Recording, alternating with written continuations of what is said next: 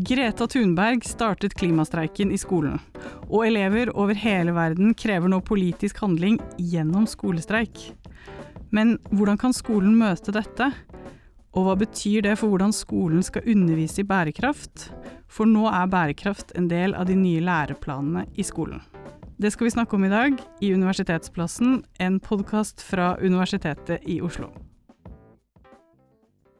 Og i studio i dag sitter Ole Andreas Kvamme, førsteamanuensis ved Institutt for lærerutdanning og skoleforskning.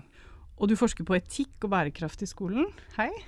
Og den andre gjesten er Marianne Guriby, molekylærbiolog, lærer og formidler ved Klimahuset, der hun underviser unge mennesker om klimaendringer. Hei. Hei.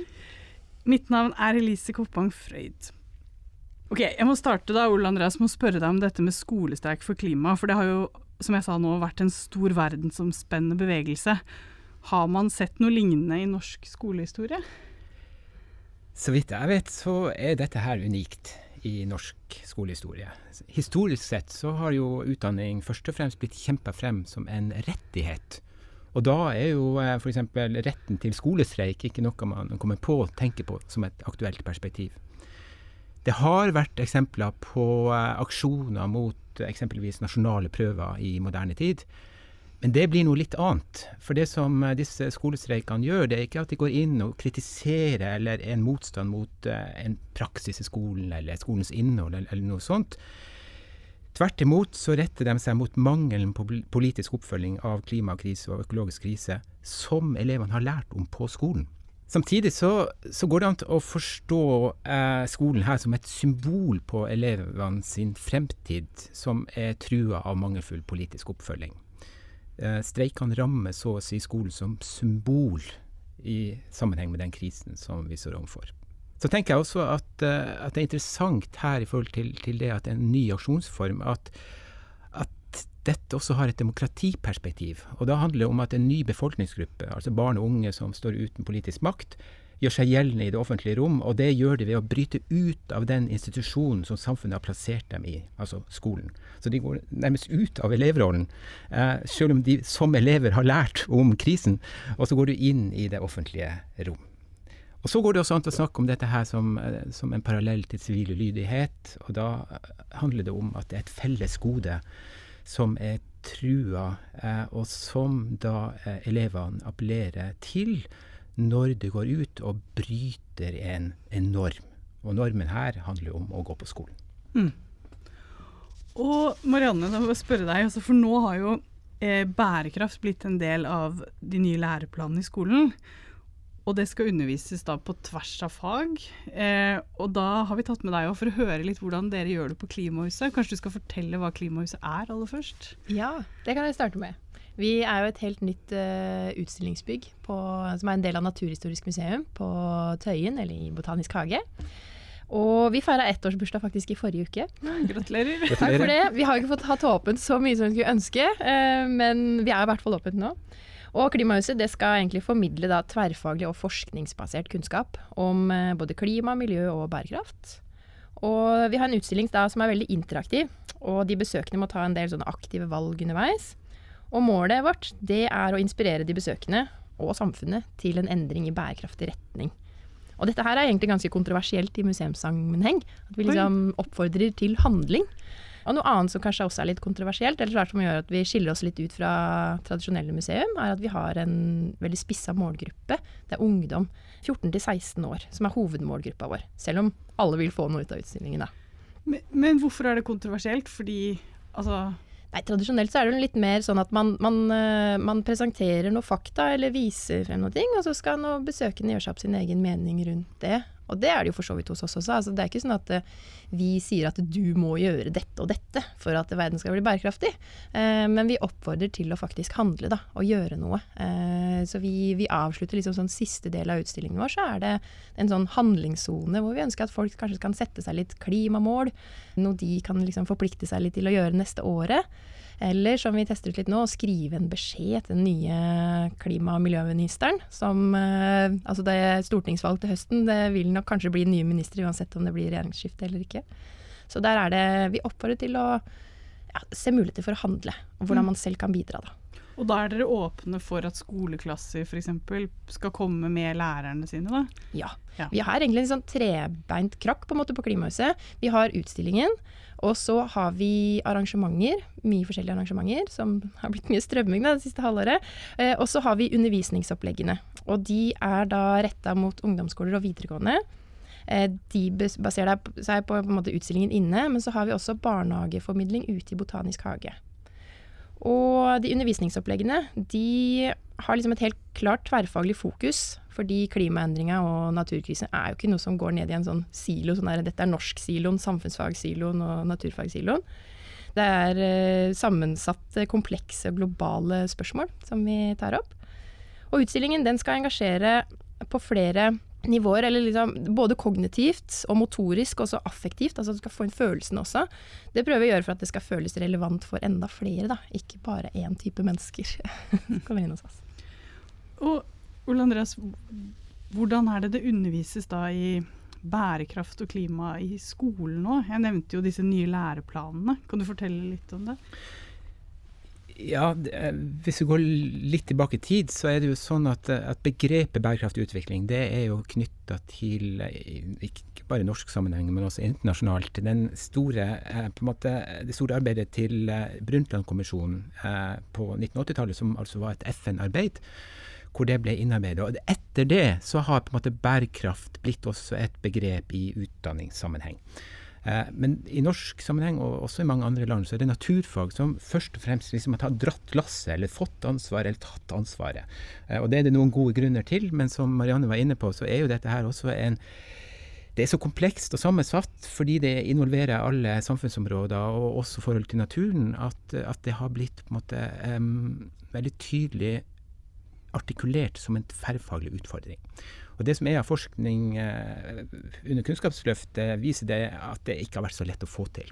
Og Det handler om at norsk skole jo har en fag- og timefordeling som er fast, og som legger vekt på ulike skolefag. Så eh, både organisatorisk og også knytta til eh, læreridentitet, så er det sånn at, at skolefagene står veldig sterkt. Og det er stor variasjon når det gjelder hvor mye man samarbeider på tvers. Så der er det interessant med fagfornyelsen nå, altså den store eh, måte, eh, revideringen av læreplaner i norsk skole som, som, eh, som har pågått noen år, og som nå blir innført. Der blir jo bærekraftig utvikling innført som et tverrfaglig tema. Og samtidig så er det sånn at fagfordelingen står fast. Og det som er mitt klare inntrykk så langt, og det er ikke så mye forskning, for det, jo, det ble jo innført eh, i fjor eh, høst, altså de, de første læreplanene, men inntrykket så, så langt er at det er stor kreativitet rundt dette her. Det har initiert veldig mye eh, interesse og faglig engasjement. Og så er det store variasjoner mellom de ulike skolene. Så det blir veldig spennende å se hvordan det utvikler seg. Men jeg har lyst til å bare legge vekt på et par ting til når det gjelder fagfornyelsen, eh, som er interessante her. Og det er at det også legges vekt på andre ting som gjerne eh, fremheves som sentralt for en god bærekraftundervisning. Og det er f.eks. vektlegging av utforskende undervisning. Vektleggingen av normative og etiske aspekter, som jo Marianne egentlig var litt i kontakt med når det er snakk om den kontroversen på forhold til museumsarbeid.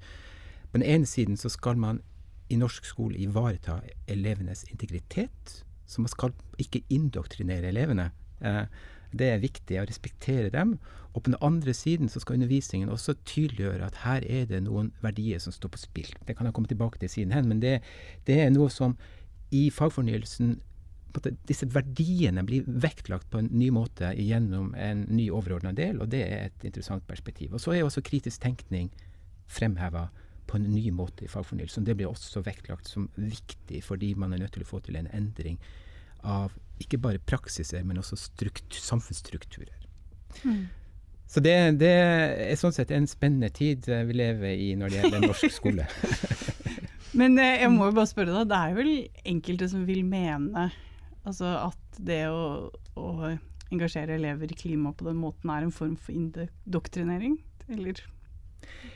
Ja, det tror jeg nok det er noen som vil si. Og så er det en stor diskusjon i, eh, i fagmiljøet og forskningsmiljøet om hvor, hvordan man skal gjøre det på, dette på en god måte. Og Da handler det egentlig om at vi har et, et, skole, et skolesystem som er utvikla i et liberalt demokrati, hvor tanken er at borgerne skal bestemme selv.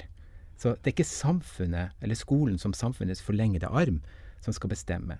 Men så kompliseres jo bildet her av at det er noen motsetninger mellom det politikerne faktisk gjør, uh, i, når det gjelder oppfølging av bærekraftagendaen, og det de sier at skolen skal gjøre. Så her er, er det egentlig ganske mange problemstillinger og spenninger som melder seg, og som er krevende å forholde seg til for lærere. Mm.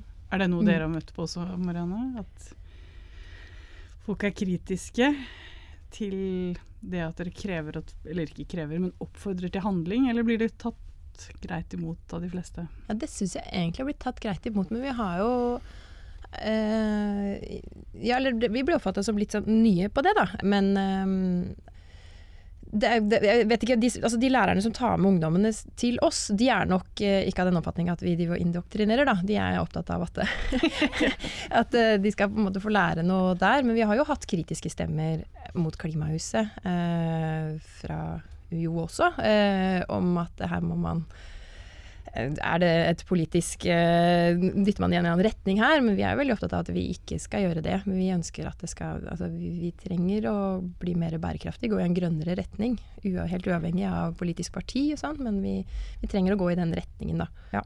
Mm.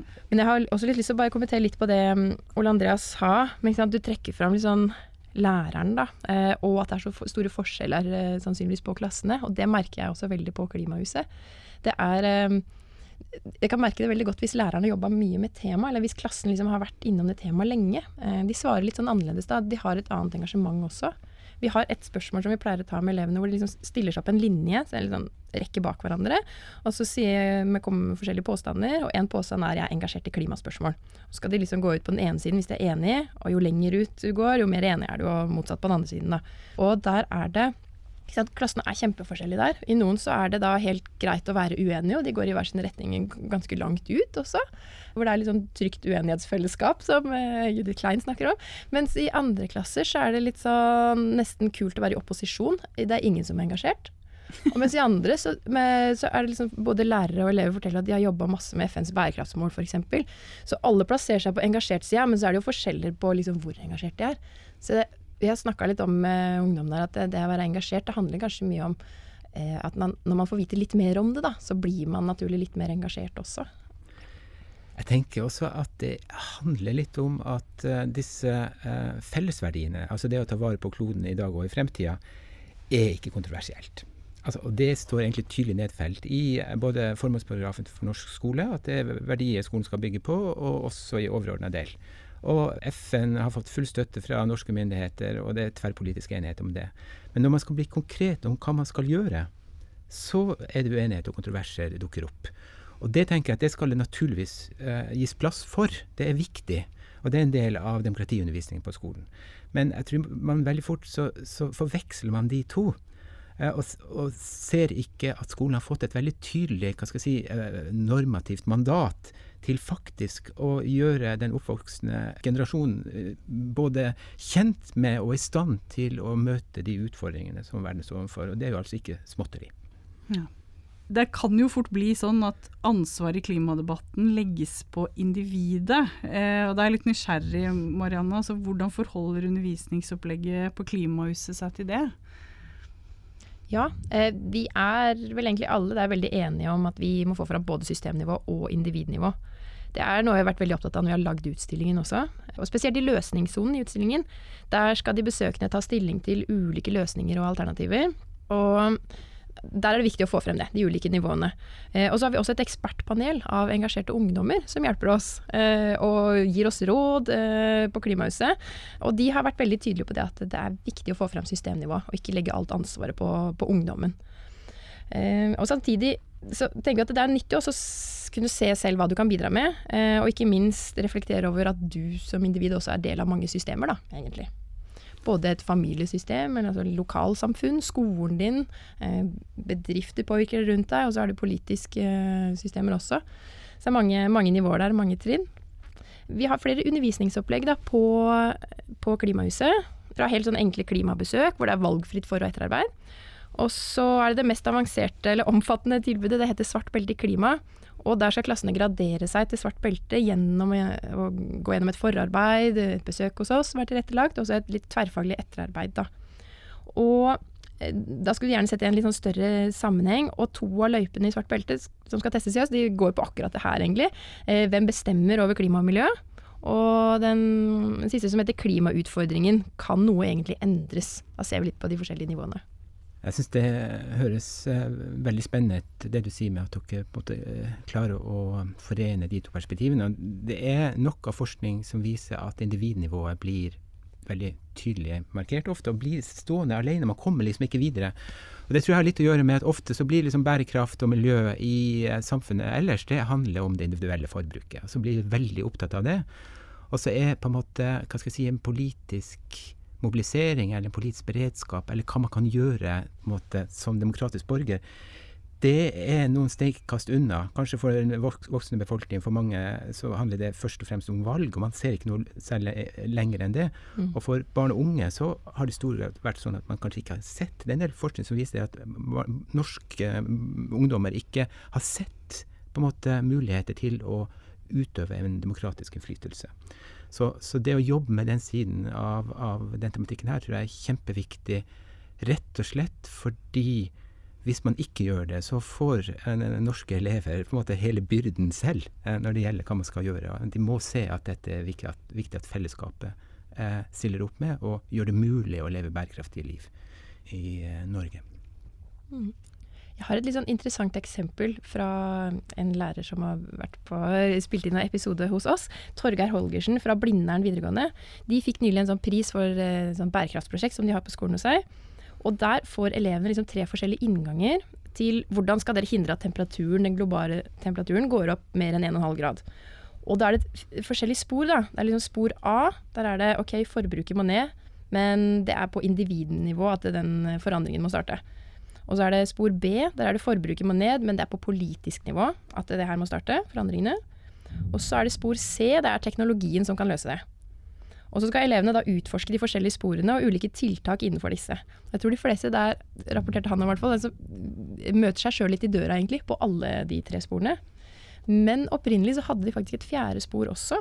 Og det var da Nei, vi trenger ikke å gjøre noe. Det var ikke noe sånn klimafornektende, eh, men det var bare det at vi, Det spiller ikke noen rolle hva vi gjør, på en måte, vi menneskene. Så vi lar være å gjøre noe.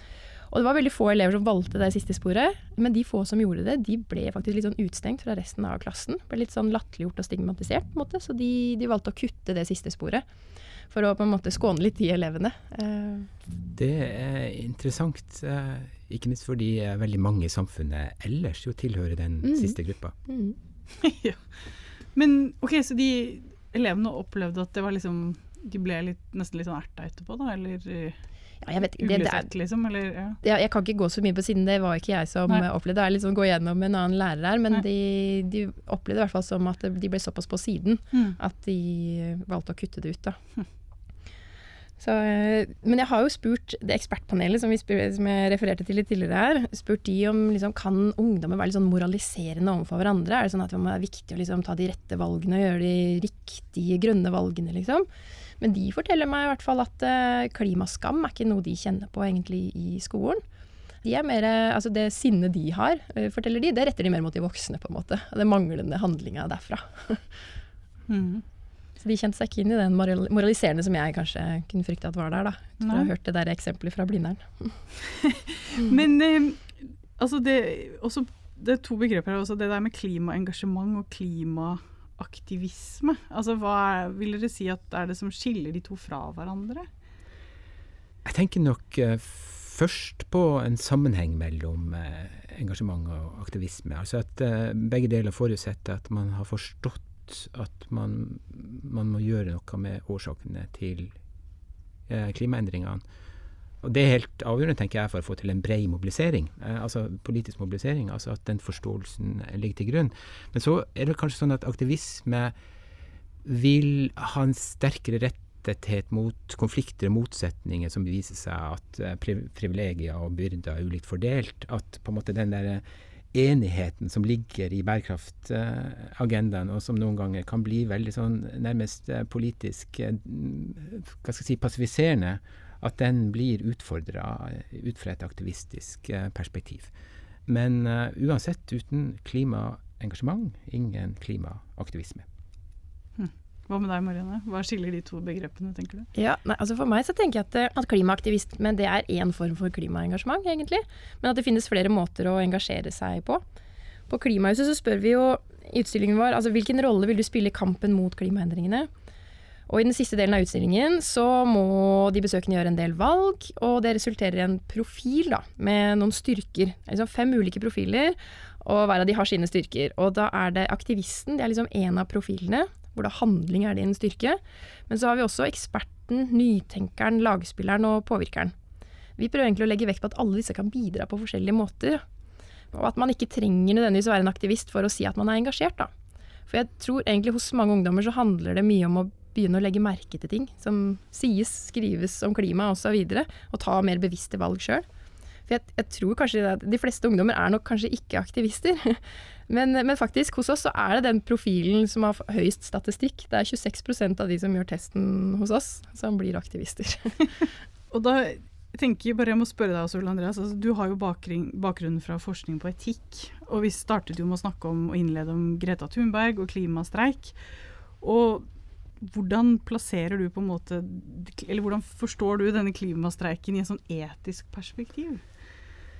kanskje det aller viktigste som, uh, som disse streikene fikk frem. Nå er det jo en stund siden. Det, ja. det burde vi kanskje også bare nevne. Altså ja. at Nå har vi hatt eh, pandemien ganske lenge, og det blir jo veldig spennende å se hva som vil skje når eh, Norge åpner helt opp igjen, og, og, også andre land. Hvilke former det vil få. Ja, fordi da, altså det var vel en del streiker, var det høsten 2019? Ja, så de, de begynte jo eh, høsten 2018 ja. eh, med Greta Thunberg i Sverige. Og så spredte det seg til, uh, til, flere svenske byer og et, veldig raskt internasjonalt òg. Og så ble vel de største mobiliseringene i Norge de var våren 2019. Okay.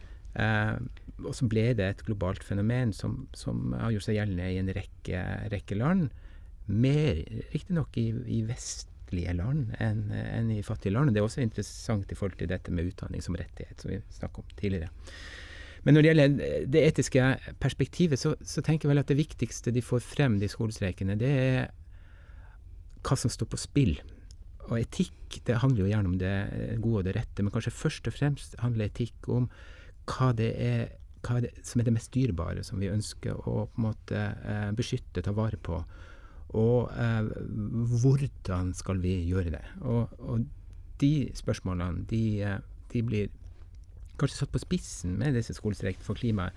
Eh, men interessant nok så er det sånn at det de har gjort, disse barn og unge som har gått i skolestreik, og da tenker jeg da særlig på disse appellene til Greta Thunberg eh, som får det tydelig frem, er at man har appellert til fellesverdiene det er enighet om, eh, som er tydelig nedfelt i FN-konvensjoner.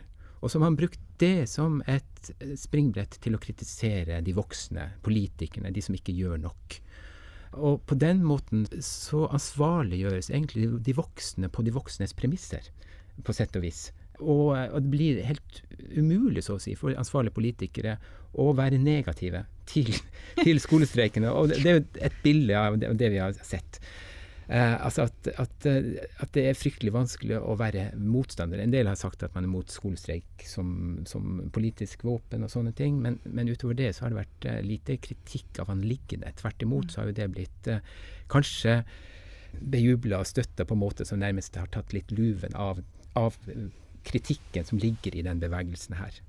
Eh, så går det an til å si litt mer om akkurat det med etikk. fordi eh, sånn Historisk sett så har etikk gjerne vært knytta til forholdet mellom mennesker, gjerne lokalt, og for den andre som man lever eh, ovenfor og ved siden av og sammen med. Mens eh, bærekraftagendaen også får, får, frem betydningen av å tenke etisk rundt forholdet til de som ikke lever, altså kommende generasjoner, eller mennesker langt borte, eller forholdet til naturen. Og alle disse aspektene er også med i, som en del av på en måte det bildet som skolestreikene for klima eh, får frem, og som på sett og vis også, også vil følge oss i tiårene som kommer. Mm. Og så er det et siste punkt som er viktig særlig for skolen, og det er det at skolestreikene får veldig tydelig frem et, det etiske spørsmålet knytta til klima ikke bare handler om noe abstrakt og teoretisk. Det angår altså barn og unge selv. Så når eh, skole og lærere forholder seg til elever i undervisningen i etikk, så må de ta på alvor at elevene selv er interessenter, selv har interesser i forhold til det som diskuteres. Og det er kanskje noe av det mest spennende med skolestreikene. Altså at det har ført til en, en uh, etisk uh, mobilisering hvor elevene skjønner at det er dem sjøl det handler om. det handler ikke om noen andre, men det handler om deres egen fremtid. Mm. Og Marianne, hvilke erfaringer har dere ved Klimahuset da, i forhold til det å snakke om etikk med de unge? Ja, Nei, det er ofte mye meninger, altså. Uh, ofte gjerne også i capslock. Det tror jeg litt, det ligger litt i ungdommens natur å snakke og mene litt sånn i capslock, på en måte. Men vi kommer ofte litt inn på det med urettferdighet, som du var litt inne på, også, og ansvar. Uh, altså, ok, hvordan vil, eller, hvordan vil klimaendringene slå ut forskjellige steder i verden? Hvem er det det vil ramme hardest? Og også det Norges ansvar, det blir tatt opp flere steder i utstillingen, men også da gjerne i dialog med ungdommene hva ungdommene mener at Norges rolle burde være da, i den globale kampen. Skal man være et forbilde? Man, ja, hvilke rolle skal man gå inn for? Og så, ut ifra det du sa også, Ole Andreas, kom vi på at vi, vi appellerer på en måte litt til etikken der når vi starter utstillingen vår. Vi starter utstillingen med å spørre hva er det beste du vet? Og, og, så tar man med seg det gjennom utstillingen, egentlig. Og da tenker på hvordan skal vi ta vare på da, det beste vi vet, sånn at vi ikke vi mister det. For klimaendringene kan true en del av det vi ser på som det beste vi vet nå. Hvordan skal vi ta vare på det? Så det tar vi faktisk litt opp der. Det ekspertpanelet vårt da, som jeg stadig vekk refererer til, der har jeg også spurt litt sånn eh, hva de syns at er liksom interessante sånn etiske sider ved, ved, det temaet her. Og de trekker fram urettferdigheten, men også hvem som til stadighet blir ofrene og vinnerne. I verdenssammenheng, men også mer lokalt. Snakker om litt sånn vekst versus vern, by versus bygd, og klima versus miljø er ting som de trekker fram. Og interessant nok også, syns jeg en av de første tingene de sa også, var, var den derre hvis vi skal eh, hvis vi skal uh, få alle de som jobber i oljesektoren, hvis vi skal få de over i andre jobber, vi må begynne nå. Vi må omskolere de nå, sånn at de er, uh, de er forberedt. Altså, de, liksom, de, tenker store tanker de, og lange linjer, liksom. De er ikke nødvendigvis bare sånn nei, nå må vi kutte det, og så ferdig snakka. De tenker på hvordan vi skal få til gode løsninger som kan fungere for alle, da, sånn at det blir rettferdig for alle. Det syns jeg er kjempefint. Ja, det er utrolig interessant å sitte og snakke med dere, men nå nærmer vi oss slutten her. Og da tenker jeg det er på sin plass å spørre liksom om hvordan kan undervisning gi elevene et realistisk håp om endring? Ole Andreas? Jeg tenker det er et eh, kjempegodt spørsmål, og uh, kanskje den viktigste utfordringen som, uh, som skolen står overfor. På den ene siden så handler pedagogikk om å gi håp. Og på den andre sida så skal man snakke sant om den situasjonen vi står oppi. Og skal man snakke sant, så må man også snakke om at dersom ikke det tas store politiske grep raskt, så vil livsvilkårene på kloden bli forverret i ti årene som kommer. Og osv. osv. Så eh, det har vært masse diskusjon om dette her blant forskere, og egentlig så trodde man lenge, eller mange har sagt det, at man må på en måte for all del ikke, ikke komme med for, for pessimistiske framtidsscenarioer, for det vil føre til at, at man mister håp. Og, og, setter i gang med ulike fornektelsesstrategier. Men så kom skolestreikene, som egentlig var en måte å forholde seg til dette på. Så jeg tenker vel at håpet må i alle fall fall knyttes til handlingsaspektet på ulike vis. Og der skjer det jo ulike prosesser, engasjementer, initiativer som pågår hele tiden, og som det går an til å knytte an til og konkretisere i forhold til. Samtidig som man ikke skal underkommunisere alvoret i situasjonen. Mm. Mm. Jeg har, tenker at det er veldig viktig å tydeliggjøre handlingsaspektet for, for, ungdommene. For under klimastreikene så var det på en måte litt sånn lett å engasjere seg. Det var fast tid og dag og sted å møte på sånn. Men jeg tenker at skolen nå har en mulighet til å gjøre engasjement tilgjengelig. At uh, elevene får førstehåndserfaringer i prosjekter på skolen. Ser liksom sånn hvordan de kan skape forandring kanskje i læremiljøet. Men også få noen aha-opplevelser på hva er det man ikke klarer å påvirke. Hvor er det døra lukkes. Uh, så jeg uh, veldig ivrig på det med å gi handlingskompetanse. Ja. og all, helt til slutt, da. Har dere noen råd og tips til eh, lærere og foreldre? Altså hvordan gjøre undervisningen bedre, eller forslag til hva man kan fokusere på på hjemmebane? Ja. Jeg har snakka litt om, om, noen kjennetegn ved god bærekraftundervisning tidligere, men det viktigste nå hen, hen, mot slutten, tror jeg, er å bare um, understreke betydningen av å ta barn og unge på alvor. Enten det er hjemme eller på skolen. Og ta på alvor at de har rett og slett interesser i at det skjer noe på dette feltet politisk. Og det handler da også om det, dette med realistisk håp. Altså at, at, hvis ikke politikerne tar et stort tar ansvaret nå, og at, at, vi får til de endringene som er nødvendige, så blir det fryktelig vanskelig å snakke om håp i skolen. Og det alvoret bør vi på en måte ta med oss, eh, alle oss voksne, eh, i, eh, i arbeidet med disse temaene. Mm. Ja, min oppfordring tror jeg er også å snakke sammen med ungdommen. Både hjemme og på skolen. Og, og, spørre hva ungdommen mener, ha dialog sammen for å undersøke altså litt sånn der bakgrunnen for konflikter og utfordringer og sånn, og se på mulige løsninger som finnes. Med dagsaktuelle nyheter og sånne ting. For jeg tror jo egentlig min erfaring er at ungdommene er, mange er engasjert, men de har ikke nødvendigvis så mye detaljkunnskaper rundt alt. Så jeg tenker at eh, både hjemme og på skolen kan være en sånn læringsarena. Ikke bare for ungdommene, men også for oss voksne som som er med. Eh, og så tenker jeg at vi voksne har et ansvar for å ta som du sier, ta ungdommen på alvor, men også la, la noe hjemme, da. La noe ungdommen få påvirke litt valg vi gjør hjemme, da. Og la ungdommen få påvirke valg vi gjør på skolen. Det er deres framtid det handler om, liksom. Så vi må, må ta det til oss. Også på skolen så tenker jeg jo at de forhåpentligvis får en enda mer normal hverdag etter ferien. Sånn at de enda flere skoler da kan liksom prøve seg fram på de tverrfaglige prosjektene sine egentlig. At man liksom tør å sette av tid og bygge trappa litt trinn for trinn der i skolene. Og la, liksom medelever, eller la, la lærere og la elever få medvirke til at det blir noe som de syns er gøy å holde på med da, i bærekraftsprosjekter. Det tror jeg er veldig viktig. Og oppdag, liksom, ta sånn verden inn i klasserommet. Da, at elevene oppdager at det, det, er ikke, det her problemet er ikke i, da, i enkeltfag, men det er globalt, og det er stort. Og så kunne jeg egentlig snakka veldig masse om det, men jeg tror jeg faktisk vil oppfordre folk til å kanskje ta en liten kikk inn i en sånn serie som vi har fra Klimahuset, som heter Bærekraft på timeplanen. Der er det alle som er interessert i litt skole og bærekraftutvikling, utvikling, kan få litt inspirasjon der. Jeg har i hvert fall blitt veldig inspirert der. Ja. Mm. Da avslutter vi med de ordene der. Eh, tusen takk for at dere kom i studio og snakket om klimaengasjement blant barn og unge og skolestreik. Marianne Guruby og Ole Andreas Kvame. Takk. Tusen takk skal du ha. Du har nå hørt en episode av Universitetsplassen, en podkast fra Universitetet i Oslo. Mitt navn er Elise Koppang Frøyd. Du finner oss der du lytter til podkast. Takk for nå, vi høres.